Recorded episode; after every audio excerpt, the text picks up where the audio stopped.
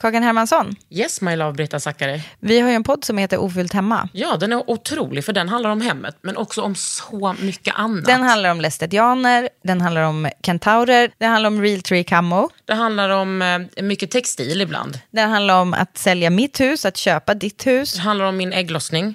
Alltid. Ja. Min också. Tack. Den heter Ofullt hemma och den finns där poddar finns. Hörs i podden, hej då! Many of us have those stubborn pounds that seem impossible to lose, no matter how good we eat or how hard we work out. My solution is PlushCare. PlushCare is a leading telehealth provider with doctors who are there for you day and night to partner with you in your weight loss journey. They can prescribe FDA-approved weight loss medications like Wagovi and Zepbound for those who qualify. Plus, they accept most insurance plans. To get started, visit plushcare.com slash weight loss. That's plushcare.com slash weight loss. Förutom att inte ha rört pannan på fem år så är också Margret Atladotter redaktör på Politism. Hon fick alopecia för några år sedan och tappade allt sitt hår. Och det ska vi prata om idag i Under huden. Det här är en podd från L. Under huden.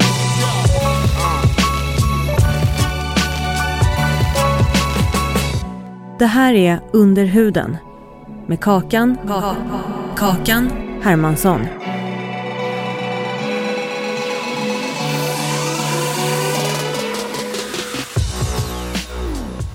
Vad sa du? att Det här, det här är en exklusiv intervju för att du har sagt nej till. Nej men jag har sagt nej till alla. Varför kommer du hit då? Nej men för att, alltså så kör vi nu. Ja, vi kör. Gumman, vi kör. Det är så svårt att veta när man liksom eh, ska göra jobb med kompisar. När man, när man är liksom on eller off the record. Nej men varför eh, vill jag prata med dig om det här? Men dels så gillar jag ju dig jättemycket och eh, den här podden. Eh, men sen också, alltså, det är inte så himla mycket att jag inte liksom vill prata om det. Men det är fortfarande lite liksom jobbigt. Så alltså, jag känner väl kanske inte så här för att utsätta mig för så här, men, äh, den extra stressen det innebär att sitta i tv. För då vill ju folk att man ska sitta skallig i tv. Vilket jag de? förstår. För det är ju det jag ska De prata ta om. av dig peruken. Ja, ja. De vill det. Typ en så här Malou reveal. bara, Ja. Ja. Eh, och jag är inte alls här, eh, redo för det. Nej, tror du att människor tror att du är redo för det bara för att du en gång gick ut och bara Hello everyone, jag har alopecia. Eh, så här ser jag ut när jag är skallig hemma. Och då tror folk bara, hon är redo, allt är lugnt. Ja, alltså, men det tycker inte jag är konstigt att folk tror det för att jag, alltså när jag liksom gick ut med eller vad, vad man ska säga, eh, så hade jag ändå ett behov av att visa hur jag såg ut. Alltså att jag faktiskt är skallig eh, och eh, att jag liksom oftast bär peruk. Så att det är inte konstigt att så här, jag förstår varför folk ändå får det intrycket att säga, men hon, hon har inga problem med det här. Så här hon är, men det är mycket det här, så här ja, men hon är stolt, hon är, Hon är så här, stark kvinna. ja, hon är stolt över det här och hon står för det, ja det, ja det. Och det gör jag ju, men det betyder inte att det inte är jobbigt liksom. Jag tror också att det har med det att göra som typ någon slags halvoffentlig person med, i maktposition, så en stark kvinna som, som har liksom har en karriär. Ja, Att då skulle Absolut. allting vara enklare för dig. absolut. Och jag tror också att, alltså för det är det som är så, alltså för mig när jag eh, la upp en bild på mig själv på sociala medier liksom eh, utan hår, utan peruk och skrev liksom, berättade om min sjukdom, alopecia, så tror jag att folk fick intrycket av att här, jag, jag var aktivist för den frågan. För att jag jobbar ju som journalist och som opinionsjournalist och driver en politisk sajt, skriver liksom varje dag om olika här, frågor som jag vill att folk ska prata om. Eh, så att jag förstår ju att man, man eh, tolkar det som att nu, det här är ännu en fråga som, som hon vill liksom, ja, men, ta upp. Allting typ. blir en kamp. Ja, men det, Knuten näve. ja, och jag tycker att det faktiskt inte är så enkelt att för det har blivit så mer och mer nu att man, den man är, är liksom, men, vad ska man säga, det är liksom fritt fram. Alltså man måste dela med sig av allt. Det ska inte finnas en liksom, skiljelinje mellan att, eh, alltså jobb och privat och, och hela den grejen. Så. Ehm, och, så det där har ju varit en av anledningarna till varför jag inte ens har velat liksom, prata om att jag är skallig och att jag liksom bär peruker och att jag har alopecia. För att jag är så här, ja men det är ändå, alltså det är så himla irrelevant egentligen. Egentligen så är det det. Om man tänker på den personen jag är och vad jag jobbar med. Då är det så här, men jag vill inte, jag orkar inte prata om det. Alltså så mycket älskar inte jag mig själb. jag vill prata och mig vad själv. mer ska man prata om då? Ja men precis. Alltså det, det blir ju. Var går, man, var, man, var går gränsen? Exakt. Här är mina, PS, här är mina inälvor. Ja. Nej, men, och det var ju så, min gräns gick ju jättelänge. Alltså i, jag tappade håret, jag tappade allt hår på huvudet för men typ snart fyra år sedan. Och det var nu liksom i september som jag kände mig, alltså då ändrades min gräns. Innan var min gräns vid så här, jag pratar inte öppet om att jag har alopecia, att jag har peruk. Alltså det var in, inte, ingen alla i, som liksom känner mig och var nära mig visste ju om det och folk som jag jobbade med visste om det och sådär men inte vad ska man säga, folk som så här följer den på sociala medier eller folk som läser den eller ja, så där gick ju min gräns men nu, den flyttade jag ju nu eh, för att jag ändå känner att så här, dels så var det viktigt för mig, eller jag tror fan om mig, det var nästan bara det, alltså det var viktigt för mig att eh, göra det. Det var inte så här, nu ska vi, nu vill jag att vi pratar mer i samhället om alopecia. det var totalt Hashtag egoistiskt. back, backa alopecian. Det var totalt egoistiskt. Ja. Vilket man får vara ibland. Men alltså snälla rara, ja, vi behöver inte ens ha en ursäkt för det. Det är klart att det är liksom, det är klart att du behöver göra det. Det är ju värsta grejen. Jag tycker Jag det är värsta grejen. Jag vet. Men det är verkligen det. Ja. Alltså det är ju helt liksom, vänta, du, nu är du 31, precis fyllda. Mm. Yes. Du hade en otrolig 30-årsfest förra året. Tack. Det var så kul. Prinsessan av Island. Tack för presenten. Snälla rara, det var ingenting. Bara- Tack för uppvaktningen. Det var liksom den bästa presenten jag har gjort i hela mitt liv. Och att den involverade dina, alltså Margret fick Kommer du ihåg liksom, att det var publik när jag fick den? Så Eh, folk stod och ja, jag kollade på den filmen för inte så länge sedan. Jag bara, kom hit, kom hit. Och så filma när Margret öppnar och så filma mig, filma reaktionen. Margret fick liksom en sån, ni vet som typ så drottningen och kanske någon Victoria har, som ett sånt band som hänger över bröstet med typ så lite medaljer. Men där var det bara broderat Princess of I, nej, Queen of Iceland. Queen of Iceland. Queen of Iceland och så en bild på mamma och en bild på pappa. ja, det var så starkt. Det är så bra. I alla fall. Var du 27 år när du liksom började tussa Alltså- av? Så här, jag har haft alopecia som det heter sen jag var faktiskt lit, superliten. Alltså sen jag var typ två, tre år. Visste du det då? Mina föräldrar visste det då för. Min sjukdom den, den liksom existerar i tre steg. Det första steget eh, heter alopecia areata och det är jättevanligt. Alltså det finns säkert jättemånga som har det utan att veta om det för det betyder fläckvist håravfall. Och det, kan, det kan äga rum eller det kan liksom eh, eh, hända var som helst på kroppen där, där hår växer. Så att kanske att, att någon har ja, men, haft en, en kal fläck på benet typ eh, som sen växer ut i ett år. För det är det som är, är grejen med areata att man får en kal fläck kanske liksom eh, fem krona i storlek och sen växer den ut Ja. när den har varit kal. Då liksom. behöver man kanske inte stödgrupp. Nej, alltså eh, vissa, det är också traumatiskt faktiskt. Alltså fläckvis håravfall är verkligen. Jag menar, menar om man får en fem kronor på benet. det är ju inte så, riktigt så. Men alltså- Förlåt alla out there. Nej men du förstår vad jag menar. Jag fattar, men det är också den mildaste formen och den är jättevanlig. Eh, så den hade jag. Då, jag antar att mina föräldrar märkte att jag liksom hade en kal fläck eh, Var på hade du huvudet. den då? Ja, på huvudet. Och eh, gick till läkare och där var det så här, men det här är alopecia areata. Och eh, sen så har jag liksom, det har jag alltid haft för det är kroniskt, det är obotligt, det, det är liksom, det, det har man typ. Och då, har- då menar du att du har haft samma fläck hela ditt liv? Nej, för man får en fläck, sen är den kal, kanske i, ja, det är jätteolika. Men så här, säg att den är kal i några månader, sen växer det ut. Eh, Så att det liksom växer ut. Man tappar hår och sen växer det ut igen. Alltså, Har du haft panik för det under din uppväxt? Ja, självklart. Och har också i varierande alltså, grader drabbats liksom. Alltså, typ så här under puberteten superdrabbad. Vissa år har det liksom, det inte hänt överhuvudtaget något alls. Vissa år har det liksom hänt pyttelite och sen har det håret som har växt ut har varit en helt annan textur. Alltså det har växt ut så här lockigt typ eller kolsvart. Alltså, det, det har Det är varit stödgrupp. det är starkt. men det har varit så här, alltså, så det har jag, jag har ändå haft så här alopecia, ja men hela mitt liv. Men det som är ehm, just de här tre stegen då, är ju att för då fyra år sedan, när jag var 27, så kom det kala fläckar och de kommer liksom i en så accelererande hastighet. Och då snackar vi huvudet. Då snackar vi huvudet. Eh, jag har aldrig haft håravfall någon annanstans på kroppen. Då så eh, får man ju lite panik. Och sen så på riktigt så var det så här att, för att man, man döljer ju de här fläckarna då, eller jag hade ju alltid, jag har alltid haft så här långt hår och ja men mitt, mitt hår var min grej typ. Eh, så jag tror att det var typ i ja, men mars så var sista gången som jag kunde ha så utsläppt hår utan att det syntes kalla fläckar. Och sen ja, december eller till julen samma år så var jag helt skallig och hade också tappat ögonbrynen. Var detta i samband med, hur utlöstes det? Var det i samband med, för jag vet att du var så jävla stressad då. Ja. Öppen fråga. Exakt. Ja. Men alltså det är det som är så knepigt för att man vet ju inte, man vet inte vad som utlöser. Alltså det finns teorier om att det kan vara stress, att det är en faktor att det kan liksom trigga igång autoimmuna sjukdomar. Eh, det kan ha varit så att det var att jag liksom gick in, för att jag hade en period där jag jobbade svinmycket, hade liksom mycket i livet i övrigt. Och det kan vara därför, men man vet inte. Nej. Så det är, liksom, det är lite så här, alltså det är så svårt att, att veta. Jag kan också tycka ibland att det är lite skönt för det innebär ju också att det liksom inte är typ mitt fel. Eller vad man ska säga. Alltså, det finns ingenting som jag kan så här, ja men jag ska ändra på det här eller jag ska äta den här kosten eller göra si eller så liksom. Du bara, hade jag bara skippat den här jävla gluten. Exakt. Jag har ju Få- testat det. Folk är besatta av gluten. Jag vet. Min mamma och min syra besatta av gluten. Alla, det är verkligen inne nu.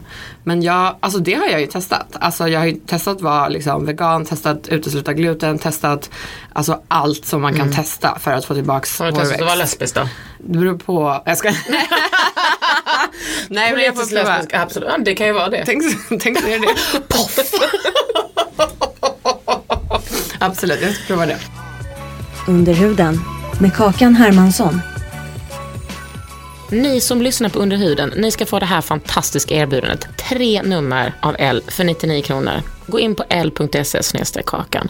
Men var det liksom så att, för att min syrra har ju haft cancer och tappat håret och då var det ju som att vi stod över toaletten och kammade henne och drog av håret tills hon var liksom nästan helt kal. Hur var det för dig? Vaknade du upp på morgonen med en tuss? Ja, alltså det var så att så här, jag vaknade, lyfte på huvudet och då låg håret kvar på kudden. Duschar, liksom hår faller av. Bo- varje gång, alltså borstar håret, det, liksom, det bara faller. Det, är liksom, det känns inte, det gör inte ont utan det bara liksom, ja, det, det faller av. Alltså så fort man rör det så liksom Alltså grejen är, man tappar ju hår, alltså gemene man tappar ju hår hela tiden. Så det är ungefär som att den känslan eller den grejen förutom att det är liksom extrema mängder bara. Visst hade du då under den här perioden besökt läkaren och bara vad fan är det som händer med mig nu? Jag krigade mig till, krigade mig till en tid hos en hudläkare i Stockholm som eh, ska vara väldigt, väldigt bra just på alopecia. Det inte, finns inte skitmycket liksom forskning och kunskap om just den sjukdomen för att den är enbart kosmetisk. Om man tittar vetenskapligt så är den enbart kosmetisk. Alltså det är klart att det drabbar en mentalt och känslomässigt. Men det finns inget liksom, klarlagt samband med det. Så att dessutom så, än idag, alltså det finns inget botemedel, det finns ingenting. Jag läste typ någon, någon som skrev typ så här, men kan du inte göra en hårtransplantation? Bara, Nej men problemet är att det är mina hårsäckar blir allergiska mot hårstrån. De stöter bort hårstråna liksom. Det är så sjukt. Jag vet.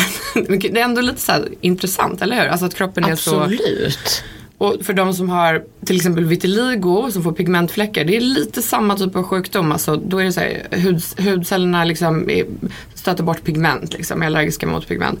Och det går ju liksom inte att göra någonting åt. Jag har ju provat, jag har genomgått behandlingar och där är ju oddsen så här, ja den här behandlingen den, den ska du hålla på med i, i tio månader. Eh, två av tio får viss återväxt. Vad är det för behandlingar då vi talar om? Alltså den behandling som jag har gjort kallas för DCP-behandling.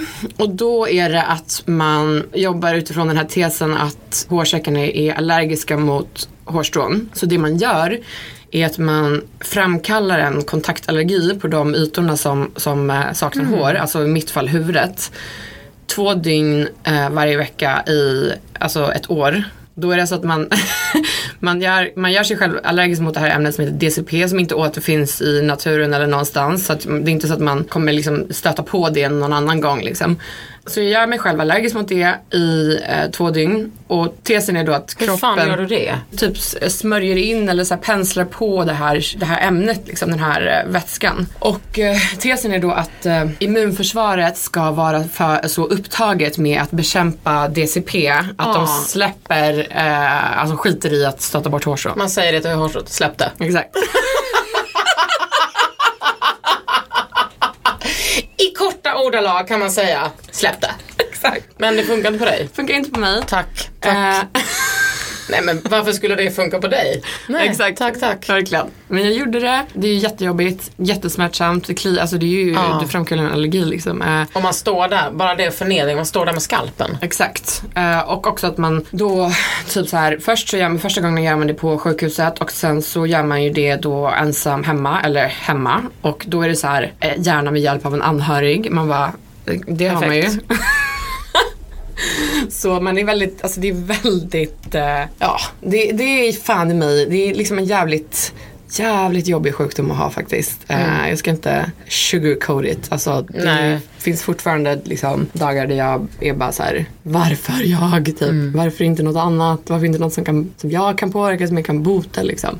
Men ehm, Men jag tänker liksom att det var att det var så mycket skam när du fick den här sjukdomen. Att det tog så här, jag kommer, ihåg, det, var, det var ganska länge sedan du berättade det för mig. Men hela den där sociala biten, den sexuella biten tänker jag på som, som vi också pratat om på så här Ja, så kommer man hem och tar av sig peruken och hänger den på det där lilla dockhuvudet eller som du brukar fixa och sådär. Men hur var det att, Eh, alltså om man, från och med när du tappade till där du är nu, hur har det varit med så här, att vänja sig med att vara skallig? Alltså jag har kommit väldigt långt. Eh, för som, som du säger så var det ju det är så himla sjukt hur man tror att man ska reagera i vissa situationer. Alltså jag känner mig som en så här självsäker, trygg, stark person liksom, som inte bryr mig om så här oviktiga saker som jag tycker att hår ändå är. Liksom. Jag tycker liksom inte att långt friskt hår är synonymt med skönhet. Alltså jag hade kunnat vara en person som rakade av mig håret om det var en trend. Alltså för mig, jag var den personen.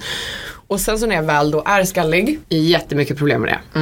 Alltså skämdes, kände mig okvinnlig, kände mig ful, kände mig som alltså, på riktigt typ ett freak. Eh, var jättenervös för eh, att berätta för folk som inte liksom var väldigt, väldigt nära mig. Jag, till och med vänner som jag berättade för eh, betedde jag mig konstigt mot. Alltså så här, försökte stöta bort dem. Typ, jag bara, men du vill väl inte hänga med mig? Så här, eller du vet, alltså, bara, bara så här, jag blev ett helt så här, eh, känslomässigt vrak av det. Vilket jag inte hade föreställt mig att jag skulle vara liksom vid 27 års ålder, att jag skulle tappa allt självförtroende som man ändå har byggt upp. Det är ju inte kul att vara liksom, tjej som det är, alltså med sitt utseende. Och sen så bara, ah, nej vi liksom börjar om från ruta ett. Så det har varit jättesvårt. Jag eh, tyckte också att det var ganska jobbigt att jag bar peruk. Alltså jag kände mig så här, ja men du vet så här, aha typ så här drag queen känsla liksom. Att så här, man, jag, typ, typ maskera mig och så här, låtsas vara någon jag inte är. För att den erfarenheten har en ju typ inte. Att Nej. ha peruk liksom. Också att så här, peruk man får ju faktiskt, ehm, i alla fall i Stockholm, får man bidrag från landstinget för att eh, köpa peruk. Mm, det är anses- svindyrt Det är väl? Jättedyrt. Jättedyrt. Men det finns inte så himla mycket så här, urval om man ska säga i Stockholm eller kunskap eh, ehm, eller perukmakare överhuvudtaget. Så att det var också så här en grej, bara, men ska jag, så här, kommer det synas? Vem, var får jag tag på en peruk som jag gillar? Alltså du vet hela, alltså det var verkligen jobbigt. Men från början när du, när du skulle skaffa peruk, då skaffade du en peruk där det, där det stod ut som att den här frisyren hade jag precis. Ja. Men nu har du ändå gått, liksom, gått wild. ja. ja, men det var ju också en grej i att jag ehm, inte ville att folk skulle veta att jag bar peruk. var ju så att ja, men det ska se så naturtrogen ut som möjligt och också det ska se ut som jag såg ut innan. Men nu när jag är helt öppen med det då, då tänker jag dra nytta av det. Alltså jag ändrar Ja. frisyr så Det ofta. Från dag till dag. Hur många har du nu då? Nu har jag eh, ja, men typ fyra fem som jag typ växlar mellan. Och vad kostar de? De kostar, jag köper alltid äkta hårsperuk, alltså människohår, någon annans hår. Så de kostar väl mellan 10 och 15 000 per unit så att säga. Oh my god. Men, och vad har de för livslängd då? Det beror på. Du är noga va? Jättenoga, alltså man måste sköta dem, man måste verkligen vara försiktig. Men kanske, säg om jag, jag använder, om jag använder en peruk, för jag använder ju peruker varje dag. Om jag använder en peruk varje dag så håller den i typ ett år. Va? Mm. Tills den ser ut som liksom ett fågelbo typ. Du vill inte ha dreads? Gud, Ser jag. ni blir krustpunkare. Ja, exakt. Ja, ja. Nej men nu känner jag för att vara krustare, går runt med en sån liten midjeväska och typ någon sån perro som då... Jag vet. Ja, då, ja, ja, ja, jag hindrar inte dig gumman.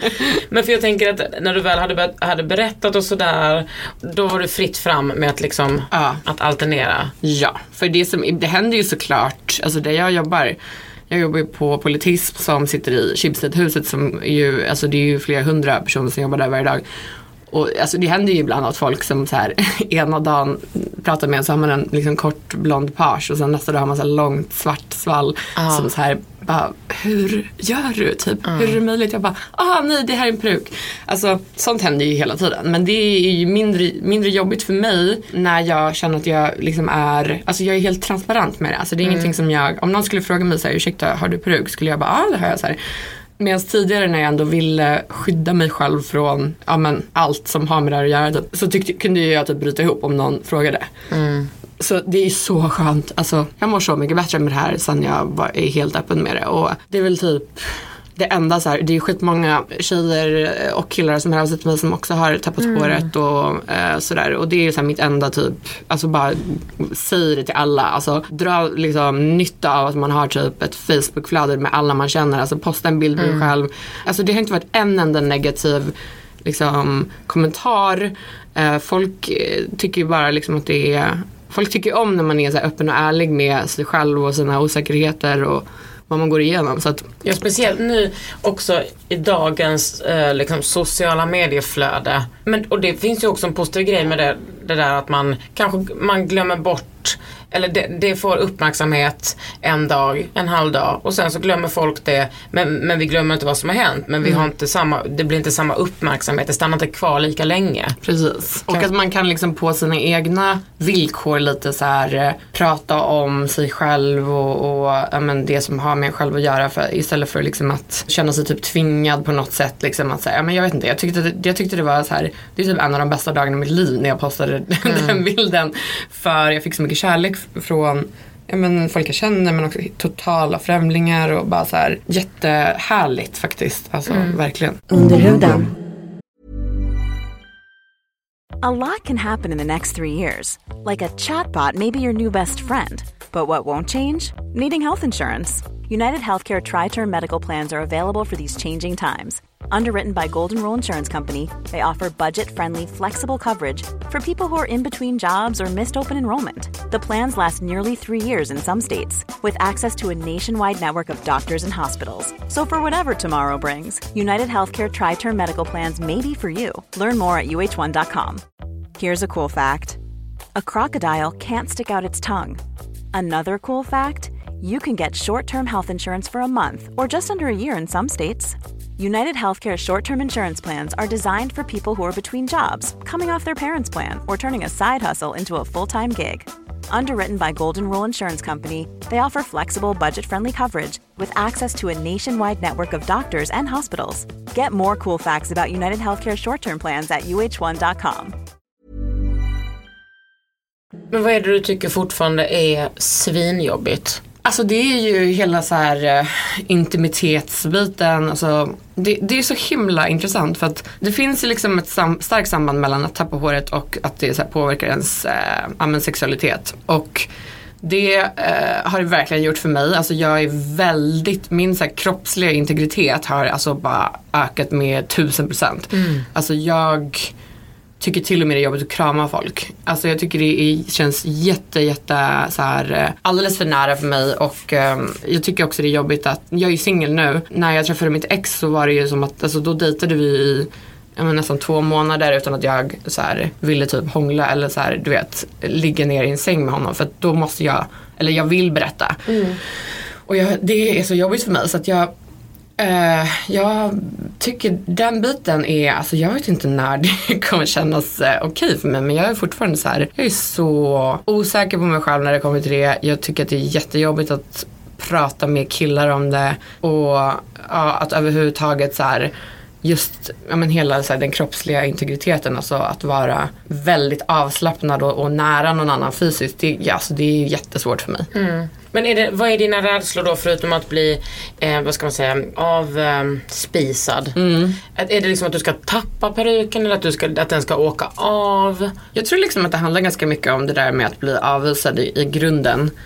Jag önskar att jag kunde liksom hålla den känslan bättre i schack för att den är ganska så orimlig. Alltså det, det är inte någon som kommer att, eller så här, om någon som jag skulle dejta skulle så här, ha problem med att jag är skallig eller bär peruk. Då skulle jag inte vilja liksom ha någonting med den personen att göra för att jag tycker inte, alltså men det, det är helt sjukt. fortfarande göra ont. Ja men precis, men jag vet inte. Det, det är, jag är nog mest rädd för hela den grejen att jag ska bli ratad eller eh, lämnad eh, på grund av att jag inte har hår. Alltså, Det är fortfarande faktiskt för mig eh, jobbigt att jag känner så här. Jag har typ minnen från när allting hände när jag tappade håret. För att då hade jag länge, alltså typ i över ett år, hade jag känslan av att jag måste byta karriär. Jag kan inte, göra- för jag jobbade som chefredaktör för Nöjesguiden då och alltså du vet höll presentationer hela tiden, var ibland med i tv-soffor, höll i liksom möten och morgonmöten och gick på mingel och hej och hå.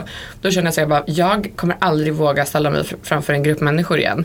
Jag vill inte det, jag vill inte att någon ska titta på mig, jag vill aldrig mer bli fotad. jag vill aldrig mer liksom gå på ett liksom, mingel eller någonting sånt. Så jag bara, shit jag måste ändra hela mitt liv typ. Och den känslan av att säga jag bara, oh my god det här alopecian har berövat mig, har tagit så här, mina liksom, drömmar och mina planer om mitt liv. Och Liksom. valmöjligheter, typ. Exakt. Så den känslan är ju fortfarande, kan vara, göra lite ont att jag känner så här, att liksom jag blir den här känslan av att ah, men jag är så, det här är så orättvist, så här, Mm. varför typ. Så det, det kan jag fortfarande så här, tycka är, man blir så här ledsen ibland och bara, jaha, typ så här, men hela den grejen, jag är 31, så här, tankar om att någon gång kanske så här, träffa någon och bilda familj och sånt, alltså jag är inte redo, jag är inte ens i närheten av det liksom. Nej. Och jag bara känner så här, ja men Och då är du ändå från Island. Alltså I know. Alltså jag är ju ett freak i liksom min egen kultur. För att i Island ska man typ helst ha åtta barn när man är 24. Exakt.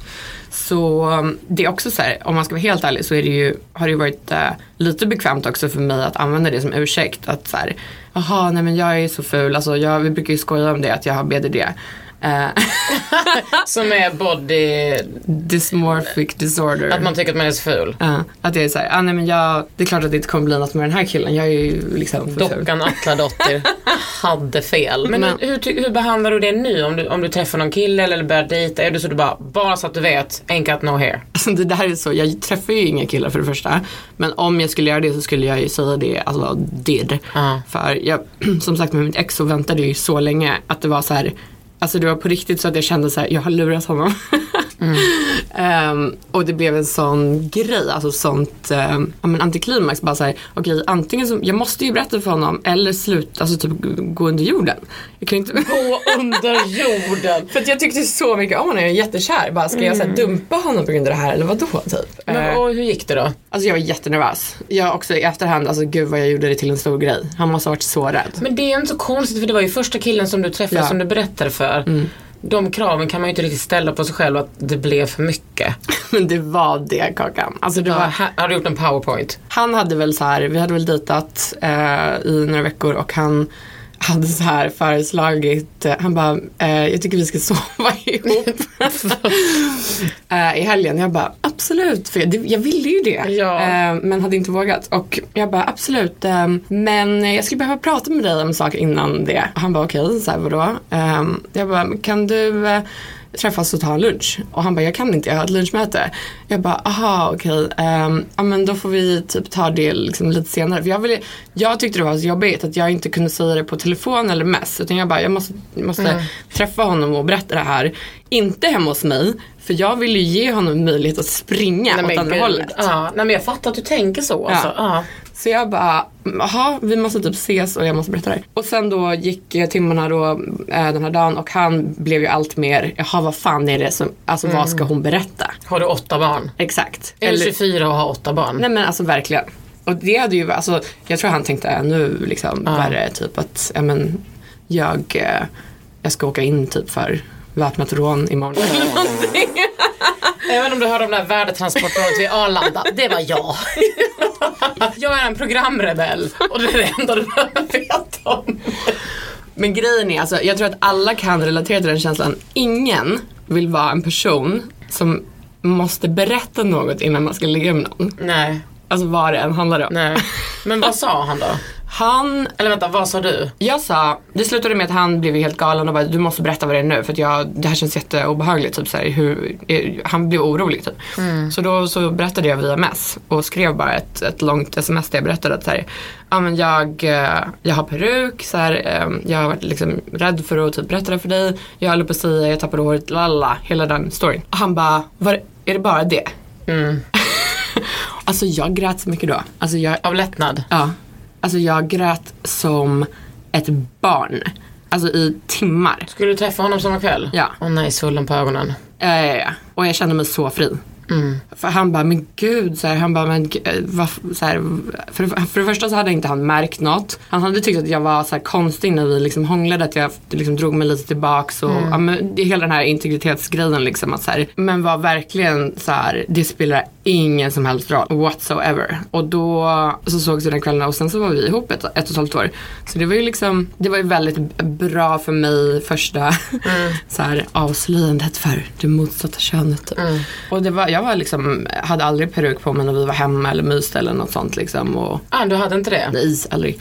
När vi typ så här, Men hur var det första gången du skulle visa dig utan peruk? Gud, jag kommer inte ihåg men det var väl liksom att det var väl fint tror jag. Alltså det var, det var li- lite som att så här, visa sig naken inför någon. Alltså faktiskt. Det är så här, vissa är kanske mer eller mindre nervösa men det var, det var inte liksom jobbigt alls. Jag kände liksom att han var så, eller vi var så kära i varandra. Så att det liksom var så här bara, men, alltså på riktigt hade det inte, han hade kunnat se ut hur som helst. Jag hade varit så kär ändå. så att det var helt, det var helt lugnt. Gud vad härligt. Ja. Vi ska ju också prata, alltså jag menar du, oavsett om du har tappat håret eller inte så skulle du ändå fått komma hit eftersom du är ju hudvårdsnörd. ja, det är Nu tycker jag faktiskt du vet om man kollar på din hud, alltså den ser bättre ut än någonsin. Jag har gjort uh, Dermapen. Mm, jag också. Det. Visst är det underbart? ja men det är vidrigt också. Va, vadå då? Nej men alltså jag kom ju till min, till Anna på eh, revuvkliniken och hon, det lyste i ögonen på henne. Jag tänkte vad fan är det nu hon har kokat upp? Hon bara, mm, Kakan idag ska vi köra Dermapen. Jag bara, uh, aldrig i livet, livet. Jo, jo, klipp till ligger där, mm, hon kör. De här 12 sterila nålarna, då, tog hon väldigt lite första gången, sen mycket djupare andra Tycker du gången. att det gör ont? Jag är så känslig. Ah, Okej. Jag, tycker, jag tycker inte att det gör ont alls. Eh, så jag tycker väldigt mycket om den behandlingen. Alltså, Om man känner liksom att man är sugen på någon mer så avancerad ansiktsbehandling tycker jag definitivt man ska Ja. prova det. För att det, Jag förespråkar också den. mm, den har funkat jättebra på mig. Alltså, Du ser så jämn och fin ut. tack! Men för det som Dermapen gör är ju att man, man liksom rengör ansiktet med, med en sån, först vanlig rening och sen med alkohol. Alltså det, man blir typ hög av den. Man ligger där och svimmar nästan. Sen kör hudvårds-Marie liksom detta i ansiktet och bara puffar in, bara häller på hyaluronsyra. Ja. Och drar och drar och drar. Det är ju liksom som, en, det är som 12 tatueringsnålar. Ja. Mm, Det är lite sjukt alltså. Men det är sjukt, absolut, men det gör man. Det gör man. absolut. det funkar ju. Och sen efter behandlingen så lägger man också på, de brukar gå, mm, alltså man kan göra vad man vill men gå ner en bit på halsen gjorde hon på mig. Och inte så nära ögonen för det vill inte jag. Och så gjorde jag på läpparna. Mm, jag. Det tyckte jag var underbart. Mm. Sen lägger man på en sheet mask och öser på hyaluronsyra och sen så typ som en kylande tung mask Visst är det över. underbart den det är stunden? underbart. Ja. Det är underbart. Tid för avkoppling. Exakt. Och sen så, jag återhämtar mig alltid så himla snabbt så att det såg fint ut redan dagen efter. Sen blir man ju väldigt solkänslig. Hur många gånger har du gjort? Jag tror typ tre gånger. Jag ska göra en fjärde gång nästa vecka. Men du är ju helt galen Margret. Gör du det här på sommaren? Men, ja men det vet du att jag gör. Ja, jag vet. Men varför gör du det på sommaren? Det är, det är väldigt alltså, vanligt att folk håller på med så starka syror och liksom kemiska peelingar och jada jada så här på vinterhalvåret. Of a reason. Det är så Jag kör reason. året runt. Jag vet. Det är ju tjejen som kör eh, retinol året runt. Ja. Det ska vi tala om. Men varför gör du det? Är det för att du, du känner du så, ah, men jag är så noga med mig, det är liksom 50 SPF dygnet runt, så att det, eller året runt mer. Eh, ja faktiskt. Alltså, jag vet inte, jag är väl inte jätte, jag är inte så, jag vet att det finns en stor liksom, UV-skräck bland hu- hudvårdsnördar. Absolut. och med all rätt, absolut. Ja. Men jag har alltid jättehög solskyddsfaktor och eh, jag väntar ändå mellan gångerna. Så nu kör jag ju inte retinol till exempel. Nu kör jag ju bara de här Dermapen grejerna och jag kommer köra nu nästa vecka och sen så väntar jag väl till augusti typ. Och jag ligger ju inte heller och steker. Nej, jag har Så- typ aldrig sett dig solbränd Nej, alltså. Så Det är ingen prioritering du har. men jag kör brunt av sol. Ja. Alltså psh, spraytan. Jag har gjort spraytan någon gång. Gjorde det inför din uh, Ja, 30-årsfest. ångrar djupt. Varför det? Jag var inte nöjd med det. Jag kommer aldrig göra det Du igen. såg fantastisk ut. Alltså jag tyckte det var för mycket. Jag kände det var lite så här orange vibb. Men jag kör brun utan sol, eh, typ så. Alltså du smörjer in. Ja. Fan, jag är en stor förespråkare av Brunetazol. Bus som det också kallas. Exakt. Man känner sig lite busig. Det är, Absolut. Det är perfekt också när man är singel för att killar hatar ju när man eh, busar. det luktar inte gott. Gud, mina straighta kompisar. Ni berättar så mycket saker för mig. Vadå killar hatar när man busar? Alltså de gillar inte lukten. Vadå Eh, menar du att det är universellt för killar? Okej. jag gillar inte lukten. Nej, inte jag heller. Men det är det där lite söta. Ja, men det går ju bort ganska snabbt. Ja men alltså det är så med att Ja. leva med män. De gillar ingenting av det. De gillar inte aspirinmasken, de gillar inte Men vet du vad de gillar? Vitt nagellack. Dermapen. Ja det är Det har Quetzala Blanco lärt mig för många år sedan. Älskar det. Ja, killar älskar vitt nagellack. ja, nu är alla straighta tjejer. Bara coat and coat. Bara måla på lite där. Nej men vadå, det, för det försvinner om man smörjer in sig. Alltså det gjorde jag när jag var i Grekland. Mm. Typ på kvällarna tog jag lite Brunetazol, busade lite. Så ser man, så blir man ju brun. det ja det funkar ju. It Ja. does the job. Men du, det är ändå som att jag ser, ibland när du är på semester så ligger du där i poolen och jobbar. Ja absolut. Alltså jag är inte jätterädd för eh, solen och UV-grejen. Det är säkert dumt men jag bara känner så här YOLO. Alltså jag orkar inte liksom vara rädd för eh, solen hela Men- tiden. Men man kan ju säga så här, Margret. Du har ju ett försprång när det kommer till typ så, rynkor och så. Mm. Du har, alltså nu är det ju, det var ju ett år sedan vi pratade om det här Mm. senast, alltså på allvar. Men jag berättade det här för mina vänner i Malmö när vi hade middag där innan vi skulle gå och se vår fucking broder Moana. Mm. Då var det ju så här, du har ju inte rört din panna på sex år. Mm. Berätta lite mer om det. Alltså det här, folk tycker att jag är så jävla störd med det Ja, det är rikt, men det- alltså det är ju absolut en, för, alltså det är en förebild. Du är en förebild. Men grejen är, folk är också så här, men varför gör du inte bara botox? Men jag kände väl att, för det första, alltså bakgrundsfakta är att jag är, och det här är inte en egenskap jag tycker är bra, jag är jätterädd för rynkor, jag är jätterädd för att åldras, jag är, alltså det är närmast en fobi. Eh, och eh, jag var jätteorolig att jag skulle få rynkor, alltså bekymmersrynkor eh, i pannan. Jag var rädd att jag skulle liksom få rynkor i pannan helt enkelt. Så jag eh, bara typ så här funderade lite på vad jag kunde göra som inte var botox. Och då, då är, det är ju det att så här, alltså rörelser eh, är ju det som liksom eh, gör att man, man får rynkor. Och eh, jag bara bestämde mig för att jag ska sluta röra pannan. Lite som så här, jag ska sluta bita på naglarna eller jag ska sluta röka. Jag ska göra, alltså jag vande mig vid att alltså, jag rynkar aldrig pannan. Alltså, jag har alltid solglasögon, alltså alltid. Och jag har inte den mimiken att jag sitter liksom framför datorn och kisar eller, eller liksom rynkar pannan. Någon annan får liksom skriva till dig på datorn. Nej, Jag har en liten är, assistent. Alltså det är klart att det, det händer ju att jag rör den. Ja. Eh, men som, som eh, vanligt, nej jag, jag rör inte. Men hur svårt är det att arbeta bort? Du menar om jag skulle vilja börja använda pannan? Nej, nej, nej, nej. För om, om vi har sugna lyssnare som vill gå i Margrets fotspår. Jag tyckte inte det var jättesvårt. Men det är ju nästan som en tick. Alltså Ja. det är ju lite, det är lite speciellt. Ja, det är det. Och ehm, Jag skulle aldrig kunna göra det för att jag tänker också, du är ju väldigt uttrycksfull i sättet du pratar och gestikulerar, så starka åsikter, kommer många, du hoppar på och kommer med många liksom nya uttryck. Men i pannan tar det stopp. Exakt. Men ja, det, det, jag rör inte den. Alltså det är ju en grej. Så här, alltså att man ska Alltså vissa är ju till och med så att de inte ler liksom, eller skrattar för att de är rädda för rynkor. Men gud, det kommer jag ihåg att vi pratade om då, att det, Ja. fanns, det fanns ju någon kvinna där i Sydamerika som inte hade lätt i hela sitt liv. Och hon såg fantastisk ut. Men fatta liksom alla endorfiner som man liksom frigör när man ler. Ja men det, jag ler, jag skrattar men jag ja, rynkar men jag pratar inte om pannan. Nej.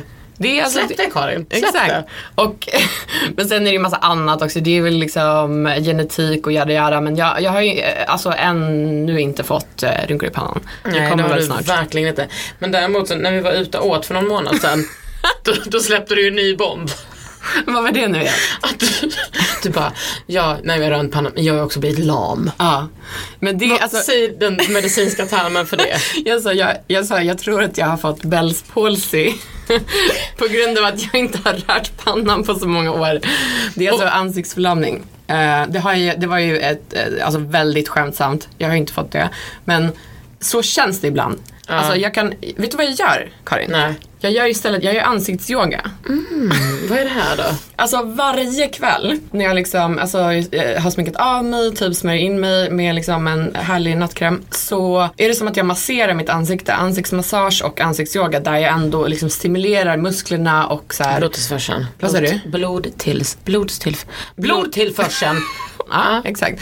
Så att, eh, för att det har ju verkligen, jag känner mig ibland så här att jag har tagit det lite för långt, att jag är helt, alltså du vet, helt blank i ansiktet. Alltså så här sönderbotoxad utan botox. Bara, Ja. så här, jag, har inte, jag, jag måste ändå då måste jag ändå aktivera sig lite. Ja. Så då masserar jag är så här, ja, men 10 minuter, en kvart att jag liksom Hur, kör. hur får du kunskapen för den massagen? Uh, Youtube. Ja. Kollar på jättemycket så här beauty youtubers och det är också lite, alltså du vet när man säger det till sina tjejkompisar bara, hörni, har ni provat ansiktsyoga? Folk bara, alltså lägg ner. Ytterligare ett Ja. riktigt. Men vet du vad? Jag var inte du så kan ju rädd få, för rynkor. Du kan ju få länka eh, till det här avsnittet så skickar vi med en länk på ansiktsyoga. Mm. Ja. Vad har du för retinol? Alltså jag kör samma som eh, Kitsala kör. Och hon Den där ju- från Indien? Yes. Det är ju en tub från Indien. Som kostar typ 40. Exakt, som eh, den kör jag. Och sen så har jag väl köpt någon så här kräm när jag varit i Mellanöstern. Alltså så här, du, de krämerna som man köper här från eh, märken som är retinolprodukter, det är inte tillräckligt eh, Precis. med grejer i det. Det är ju tyvärr så liksom i både läkemedel, läkemedel, tyvärr säger jag. Ja men det är ju ändå så. I både läkemedel och i skönhetspreparat att vi, vi har så många reglage. Exakt, och det är ju bra. Mm, hur Men många så- procent är det i den då? Typ 0,6, 7? Gud, jag har faktiskt ingen koll. Men det, det är ju liksom, ja men det är den, den indiska tuben, eh, om man kan referera till den. Ja den kan jag referera. Var köper du den då? Via Qs mamma när hon har varit i Indien och sen Mm. så när jag har rest också, alltså på typ apotek.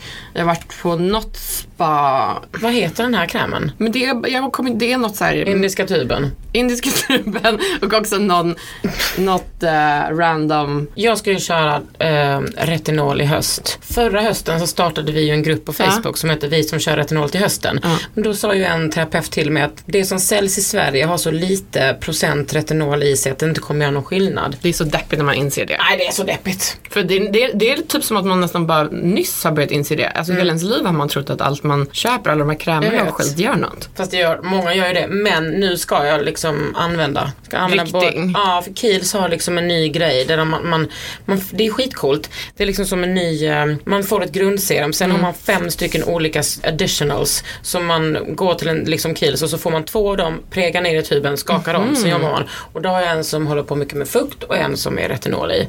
Och sen ska jag också kötta på en transderma. Ja. Ja. Alltså det var så fantastiskt att du kom hit. Men jag har också glad. lärt mig väldigt mycket. Jaha, vad bra. Ja, och det Eh. kanske ni också har gjort. Listeners. Ja. Eh, Du lyssnar på Under huden och jag heter Kakan Hermansson. Och jag heter Margret Atladottir.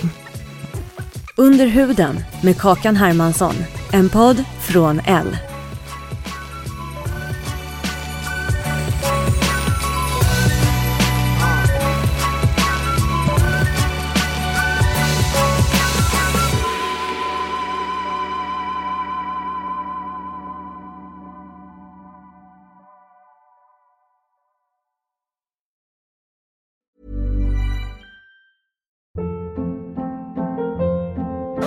Hold up. What was that? Boring. No flavor. That was as bad as those leftovers you ate all week. Kiki Palmer here, and it's time to say hello to something fresh and guilt-free. Hello Fresh. Jazz up dinner with pecan-crusted chicken or garlic butter shrimp scampi. Now that's music to my mouth. Hello Fresh. Let's get this dinner party started. Discover all the delicious possibilities at hellofresh.com. Hey, it's Paige DeSorbo from Giggly Squad. High quality fashion without the price tag. Say hello to Quince. I'm snagging high-end essentials like cozy cashmere sweaters, sleek leather jackets, fine jewelry, and so much more. With Quince being 50 to 80% less than similar brands. And they partner with factories that prioritize safe, ethical, and responsible manufacturing. I love that. Luxury quality within reach. Go to quince.com slash style to get free shipping and 365 day returns on your next order. Quince.com slash style.